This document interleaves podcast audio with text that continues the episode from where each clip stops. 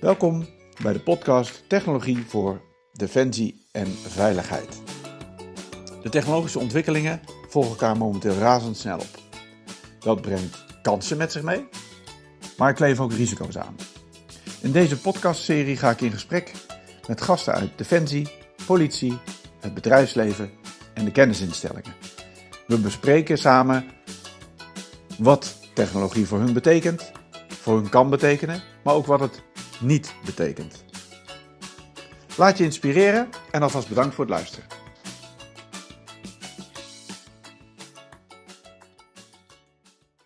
Heren, welkom bij de volgende podcastopname van uh, Technologie voor Defensie en Veiligheid. Twee heren aan tafel vandaag. Uh, zoals gebruikelijk beginnen we even met een korte introductie.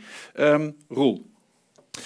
Uh, Roel van Rijswijk en ik ben directeur van het Cyber Defense Team van Thales Nederland. Hartstikke goed. Patrick Bolden, ik ben uh, 40 jaar beroepsmilitair geweest bij de luchtmacht. Uh, onder andere hoogstafvorming gedaan, NATO Defense College. De laatste paar jaar ben ik uh, gedetacheerd geweest bij het Haag Centrum voor Strategische Studies en nog steeds bezig met geopolitiek, onbemande systemen, artificial intelligence, uh, militarisering, ruimtedomein, defensieplanning, nou, al dat soort onderwerpen. Nou, prachtig ter inleiding. En nu zitten jullie dan hier in de studio van IBM. Welkom dus allebei. zoals gebruikelijk in dit podcast is het format dat we aan de hand van een stelling zeg maar, het gesprek aangaan. Um, en tijdens die, die dialoog, Roel, denk ik dat we ook nog wel wat meer van jouw achtergrond te horen krijgen. En um, nou, laten we dat gesprek aftrappen met de eerste stelling. En die luidt: Data-integriteit is momenteel het belangrijkste onderwerp binnen cyber. Um, en data-integriteit mag je dan eigenlijk uh, wel opvatten zoals je daar zelf je definitie uh, van hebt. Maar laten we eens beginnen met, uh, met Roel. Ja. Wat jij daarvan van vindt van die stelling?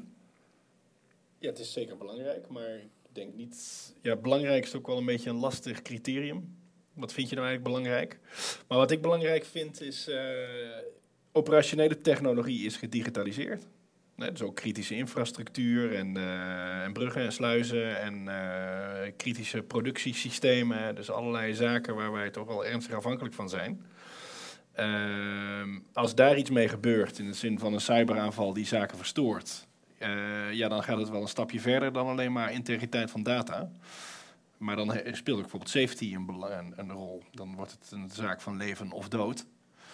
Dus uh, denk ik dat dat dan belangrijker is. In ieder geval, uh, dus data kwijtraken is vervelend. Ik, het is ook heel vervelend als China onze IP jat. Uh, het is ook vervelend als je data gegijzeld wordt en al die zaken. Maar als een brug of een sluis gekke dingen gaat doen, dat, ja, dat denk ik dat het wat kritischer is. Maar, maar, dat gaat natuurlijk nog veel verder. Het is alle systemen die de veiligheid in Nederland garanderen, zijn tegenwoordig aan elkaar verknoopt. Het gaat allemaal over data. Um, en hoe houden we die data veilig? Hoe zorgen we ervoor dat er niemand bij kan, inderdaad? Ik denk dat dat een grote uitdagingen is. Um, ook in je eigen huishouden met alle systemen die Internet of Things, koelkasten, ovens, uh, verwarming, licht. Um, dat is natuurlijk ook een bedreiging van je eigen fysieke veiligheid. Uh, als je heel klein gaat kijken en als je gaat transponeren naar de krijgsmacht. Um, hoe afhankelijk we daarvan zijn van systemen die data met elkaar uitwisselen, als het in de vredesbedrijfsvoering, om gewoon mailtjes te versturen. Hoe houden we dat veilig? En aan de andere kant heb je ook steeds meer informatie van buiten nodig voor je situational awareness. Um, en het gaat allemaal over data. Uh, dus ja, je kan niet meer zonder. Um, je moet wel. En hoe hou je het veilig? Maar hoe hou je het ook toegankelijk? Hè? Ik denk dat er grote uitdagingen zijn. Ja, dat, dat, dat kan Defensie zelf ook niet meer doen. Uh, ja. Steeds meer zul je zien ook die, die, die uitwisseling civiel-militaire... Wat zijn jullie daar met Thales mee bezig heel erg? Over die civiel-militaire samenwerking om te zorgen dat de krijgsmacht... Ja, zeker. Op het gebied van data en cyber... Ja, ik denk uh, de Defensie en, en dat digitale dilemma wat we hier schetsen. Hè, want, want al die digitalisering, wat ik zei ook van operationele technologie... of digitalisering van uh, de landmacht, bijvoorbeeld...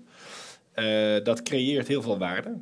Want je kunt daar een effectiever optreden. Uh, dus uh, je kunt je missie beter doen. Hè, dus dat, dat creëert heel veel waarde. Maar tegelijkertijd heel veel cyberrisico. Ja. Dat noem ik het digitale dilemma. Ehm, en ehm, ja, inderdaad, weet je, de, de, de data goed beveiligen, ja, dat kan. Hè? Ik stop het in een kluis, een dikke deur ervoor, twee eh, officieren met geweer en dan is het 100% Dat veilig. is niet het werk van officieren met Nou ja, inderdaad, nou ja, eh, de, de, dus een soldaat ervoor. Die zijn veel Ehm, beter erin. ja. Ja. Dan is het 100% Ja. veilig, maar waardeloos. Ja, Het krijgt pas waarde. En dus, dus die connectiviteit die je ook eh, nu in Defensie nodig hebt, eh, situational awareness, hè, zorgen dat de data daar komt waar die op dat moment nodig is, het liefst real time. Dat, dat, dat moet je doen, want daarmee word je effectiever. Eh, maar creëert tegelijkertijd heel veel cyberrisico. Ja, ja. En, en, en dat is het dilemma. Ja, ja want, want als je, naar mijn mening, als je gaat kijken hoe ziet de oorlogsvoering in de toekomst eruit, en, en eh, ook al below the threshold, hè, de- dus ook al de, de hy- hybride oorlog, ja, ik hanteer eigenlijk voor mezelf R voor I, en R is remote, en, en de vier I's, dat is dan artificial intelligence, AI, eh, hyper, dus het gaat ook steeds sneller, hybrid warfare en eh, cyber warfare. En dat heeft natuurlijk allemaal met data te maken. Ehm, maar met name die versnelling van de besluitvorming, die moet ervoor zorgen dat je door alle spelers heen, van, van sensor to shooter, en, en, en daar moet ook nog een hele commandovoering overheen komen. Dat is allemaal data, datagedreven, informatiegestuurd optreden. Ehm, en aan de ene kant heel erg gevoelig voor cyber, omdat je zoveel spelers hebt. Want de sensoren die zien iets, dat moet beoordeeld worden, dat moet verwerkt worden. Daar moet beslissing over worden genomen, samen met andere data natuurlijk, dat je situational awareness inderdaad hebt. En dan moet vervolgens terug naar een actor ehm, die iets doet op basis van al die verzamelde data. Maar hoe hou je dat veilig? Eh, en hoe hou je het ook snel? Ja. Want het- je moet sneller zijn dan je tegenstander. Hè? Dat is de, de, de OODA-loop, Observe, Orient, Decide and Act van John Boyd. Ehm, als je dat niet in de hand hebt, ja, dan word je verslagen door de snelheid van de tegenstander. Dus, dus dat dilemma, dat, dat vind ik wel boeiend. Hoe kunnen we daar doorheen breken? We houden het veilig, maar we moeten ook razendsnel door de systemen heen gaan. Ja, ja en eh, wat je net zei, dat, eh, eh, dit is iets wat Defensie niet kan inkopen bij een leverancier. Nee. Dan, dan, dan moet je gaan partneren. Nou ja, misschien kun je het wel inkopen, maar Defensie wil natuurlijk ook zelf eigenaar blijven van die data. Dus Uiteraard. ik denk dat je, hoe, hoe je daarmee omgaat, dan moet je een betrouwbare leverancier hebben. Inderdaad, geen China of een bedrijf wat door China wordt gesponsord. Ik hoop wel dat we zo slim zijn geworden dat we al die afhankelijkheden in ieder geval eens een keer in kaart gaan brengen en van ons af kunnen organiseren. Uh, dus het is heel goed. je ziet daar inderdaad wat je zegt, hè, Roel. Die, die, eh, die, de partnering is belangrijk. Hè, dat hoor je Ja. de Defensie ook zelf uitspreken. Ehm, als ik kijk naar de stelling en, en wat jullie allebei eigenlijk aangeven, er zit altijd een trade-off tussen hè, hoe toegankelijk wil je het hebben en hoe beveiligd wil je het hebben. En daarin zul je de ideale mix moeten vinden. Dat hoor ik jullie eigenlijk allebei zeggen. Ehm, ik denk dat informatiegestuurd optreden, wat je aanhaalt, hè, wat bij Defensie hoogtij voert op dit moment, ook in de Defensie Visie 2035, eh, is, is er een enorme rode lijn daarover eh, te vinden. Dat geldt eigenlijk in Nederland voor de politie ook. Hè. Die zijn eh, bezig met informatie. Ja, gedreven opsporing. al en, en, met cameraatjes, slimme camera's aan de grens en dan daarop acteren. En dat hele concept is, is helemaal uitgerold en logisch ook. En dus je hebt, je hebt aan de ene kant de databeveiliging en, de, en de cyberbeveiliging, zoals je zegt. Ehm, wat, wat kun je zeggen over de data-integriteit? Hè? Want de beveiliging is een element daarvan, maar hoe stel je nou vast... eh, Patrick, als ik jou even aankijk, eh, met je space-achtergrond die je Ja. natuurlijk ook hebt. eh, hoe, hoe zorg je er nou voor dat de, data, bijvoorbeeld van een satelliet die naar een grondstation komt, dat dat, als die geprocessed wordt, ook de data is die Ja. van die satelliet afkomt? Ja, een van de grote gevaren. En, en het makkelijkste, als je, als je gaat hebben over oorlog in de ruimte, dan, dan denk ik niet aan Star Wars en Spaceship Galactica, maar meer hoe wordt met name onze informatie, de sensoren aan satellieten, eh, hoe kun je die beveiligen? Ehm, de infrastructuur op de grond, maar wat veel makkelijker is te onderscheppen, is natuurlijk die dataverbinding tussen de grond en de satelliet. Eh, en als je dat via radiogolven doet, dan kan dat voor iedereen af te tappen zijn. En, en met, als je weet hoe een antenne werkt met een beam en allerlei lobben, ja, dan kan je er nog maar heel makkelijk naast gaan hangen.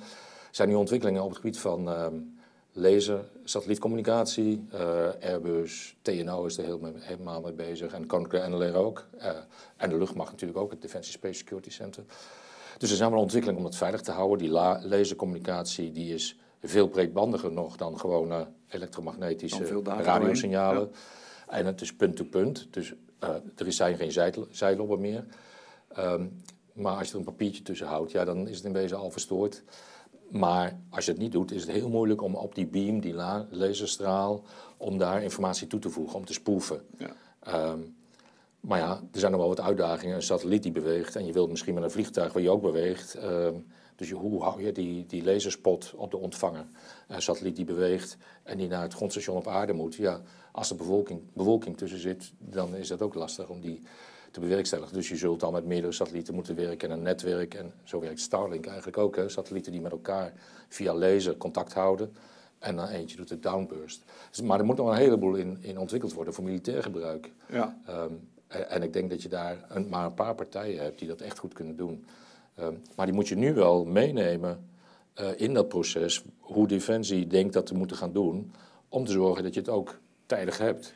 De pijplijn, zeg maar. Hè? eh, Nou ja, gebeurt dat al? Dat is een goede vraag. Eh eens kijken of dat we met die aan een volgende gast eh, mee kunnen geven. Als we hier bijvoorbeeld Martijn Wijnen op de, aan tafel krijgen. Ehm, maar de pijplijn hoor ik je zeggen waar de data doorheen gaat. En in het geval van de satelliet is dat het in, de- in de laseroptics uh, Nou, zijn we is dat wel veiliger. Dat is een ontwikkeling Ehm, maar hoe als je kijkt naar het gevechtsveld, verbindingen naar schepen toe, verbindingen naar uitgestegen optreden bij de landmacht bijvoorbeeld, of in de politiehoek, hè, de dataverkeer die daar tussen voertuigen, et cetera.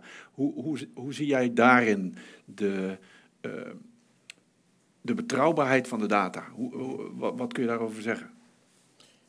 Ik ben vooral een cybersecurity expert. dus. ehm, eh, Ja, het gaat via het cyberdomein, toch? Ik Ja, ja, nee, dus, dus, ja, dus als het gaat over en- en- eh, weet ik, door cyberaanvallen manipuleren van data, ja, dus daar, daar kan ik Ja. wel wat over zeggen. Ja. Ehm, kijk, in een omgeving waar data vrij moet stromen, daar hadden we het net over. Ik had het net over die kluis, dan moet je van het concept af. Eh, dus data moet gedistribueerd worden, data moet daar eh, komen waar die nodig is. Dus dan moet je de data zelf gaan beveiligen. Lees, die moet je gaan versleutelen. Mhm. En als je data versleutelt, wat betrekkelijk eenvoudig is, dan krijg je de volgende vraag, en die is wat ingewikkelder. Wie heeft de sleutel? Eh, dus daar moet je dan vreselijk goed in zijn. Om vast te stellen van eh, eh, wie die sleutel heeft, wie heeft toegang tot die data en is dat, is dat rechtmatig? Ja, ja ik, ik kan me voorstellen dat die data allemaal opgeslagen is in een, in een, in een combat cloud. Dat, dat begrip Ja. dat hoor je ook wel eens. Maar hoe inderdaad zorg je dat de combat cloud ziet dat jij een geautoriseerde gebruiker bent van Ja. die combat cloud. Er zijn nog veel meer problemen omheen, want wie moet welke data nou precies hebben op welk niveau? Want voor je het weet wordt iemand overstroomd met data, dus misschien moet je er ook wel een van andere AI's, de artificial AI, de artificial intelligence op toepassen. Ehm, zijn je er ook mee bezig van, van hoeveel data is er eigenlijk wel niet? En wie moet welke data wanneer hebben? Wat is belangrijk voor zijn besluitvormingsproces als ik dan weer terugbreng naar militaire operaties of operaties in het maar Thales is daar wel mee bezig. Hè? Thales Ja. kijkt daar wel naar, ook de Oké. Combat Cloud bijvoorbeeld. Dus, eh, Nou ja, het is, het is, Thales is vrij goed in drie dingen. Alles wat te maken heeft met sensing, het verzamelen van data. Nou, Ja. dat is al vrij relevant. Eh in Engeland maken we grote radars. En, Ja, eh, ja, dus zeker, sensing, het verwerken van grote hoeveelheden data en het beveiligen daarvan. Eh, en drie, eh, dan vervolgens zorgen dat mensen, mensen, dat is nog steeds onze filosofie, op basis van informatie, daar heb je natuurlijk wel een artificial Ja. intelligence voor nodig om die data om te zetten in informatie, snel beslissingen te kunnen Ja, nemen. ja. Eh, nou, dat is ook in de kern eh, wat wij op de fregatten bouwen. Nee, dus dat is het eh, niet alleen maar de, de radar, de sensing, maar ook het hele combat management systeem. Op, en, om te zorgen dat de bemanning de juiste besli- besli- beslissingen kan nemen. Ehm, ook in onze wereld is dat allemaal gedigitaliseerd.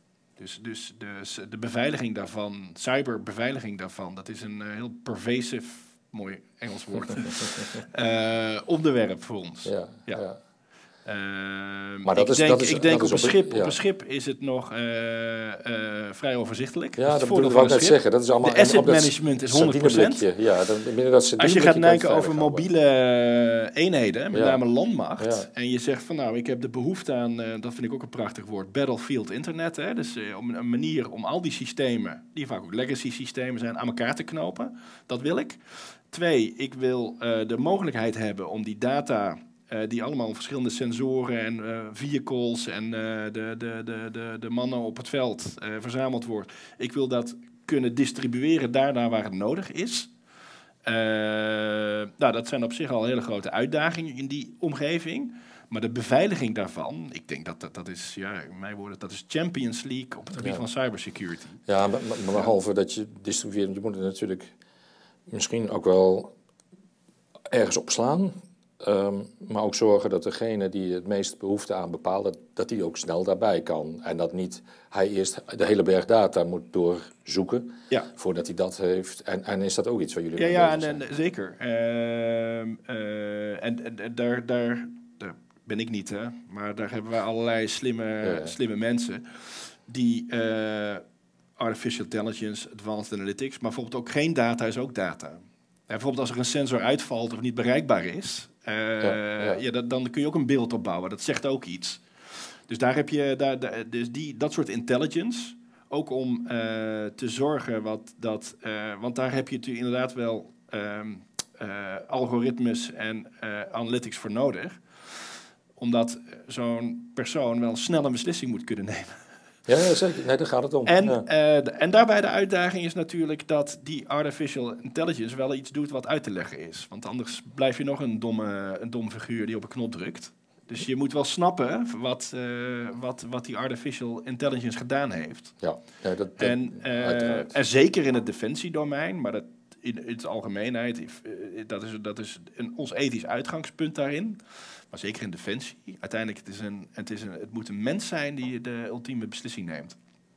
Of op de, de, ja, ja, eh, ja. helemaal mee eens als je gaat kijken Maar goed, naar wat ik mij naar heb laten vertellen, als, eh, Ja. als jij door eh, 30 eh, incoming missiles, eh, eh, die komen allemaal op je af en die gedragen zich allemaal anders, eh, ja, dan moet je heel snel beslissingen kunnen nemen van welke effector ga ik gebruiken. Ja, daar heb je gewoon artificial intelligence voor Ja. nodig en die, eh, die leveren, die zit in Ja, dat, is- dat, is de complexiteit natuurlijk ook steeds meer van al die technologie die eh, zijn intrede doet.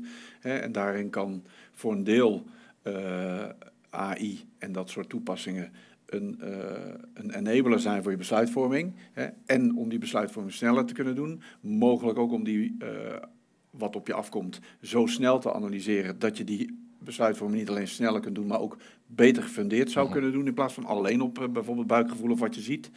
Dus in die zin voegt dat echt wel wat toe. Ehm, ik denk dat we, zeg maar, als je kijkt naar de stelling, heb ik verschillende dingen gehoord. Hè. Ehm, we onderschrijven de, het dilemma wat erbij is. Ik heb je net even nog horen zeggen, Roel, eh, als, als dat datastukje van, hey, kan ik deze data nou eigenlijk wel be- eh, vertrouwen, ondanks alle Mhm. maatregelen die we hebben genomen om, om de omgeving te beveiligen, dan is dat eigenlijk, als ik je eh, goed beluister, is dat, we gaan de data, de encryptie daarop zetten. En dan is de sleutel is weer een, een, eh, een specifiek gegeven.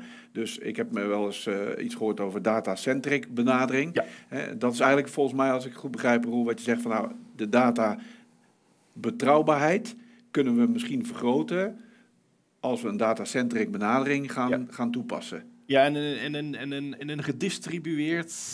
Dus, dus elk model die uitgaat, we verzamelen al die data naar een centraal punt. En vanuit daar gaan we, is, is eh, sowieso een hele lastige en kwetsbare. Maar ik denk in, een, in een zo'n VUCA-omgeving, als, eh, als eh, landmacht die op missie is, is dat een kansloos concept. Mhm. Ja, ja, wat zei je nou, Battlefield Cloud? Kom, kom met cloud. Combat Cloud, ja, of, of Battlefield Internet. Hè, dus, dus dat is dan, dan denk ik veel meer aan een wolk. Hè, dus het is Ja. gedistribueerd. Ehm, ehm, en en die, die data die moet dus eh, daar kunnen geraken waar die nodig is, real-time. Dus dan moet je die data zelf beveiligen. Dat Ja. is data-centric. En Ja. dat is En dat is natuurlijk een, een, een, een paradigm shift. Ook eh, bijvoorbeeld met eh, regulering zoals Abdo. Die Ja. dan vaak perimeter-based is. Hè? Van ik heb hier rode omgeving, blauwe omgeving. En er moet een hek omheen en allerlei security maatregelen. Maar als je het hebt over een, een omgeving waar die data vrij stroomt, dan, dan, dan moet je naar een ander concept. Dus dan ga je die data zelf beveiligen. Nou, dat is encryptie. Ja. En dan is de grootste uitdaging is key management. Dus dan gaat het niet meer over waar is die data en is die, veilig goed, is die omgeving goed beveiligd. Maar dat je eh, veel meer denkt over wie heeft er toegang tot Ja. deze data. Ja. En, en dat, je daar, dat je je daarop richt. Dit vind ik een mooi bruggetje als cliffhanger naar een van de andere podcasts die er nog aan zitten komen. Voor, voor, dit onderwerp hebben we in ieder geval, denk ik, jullie bij de visie goed kunnen beluisteren. Goede voorzet. Da dankjewel, ja, dat is altijd waardevol. maar daarvoor zitten jullie ook aan tafel. dank voor jullie komst hierbij en ehm, ik wens de luisteraar veel plezier met deze en de volgende podcast. Graag gedaan.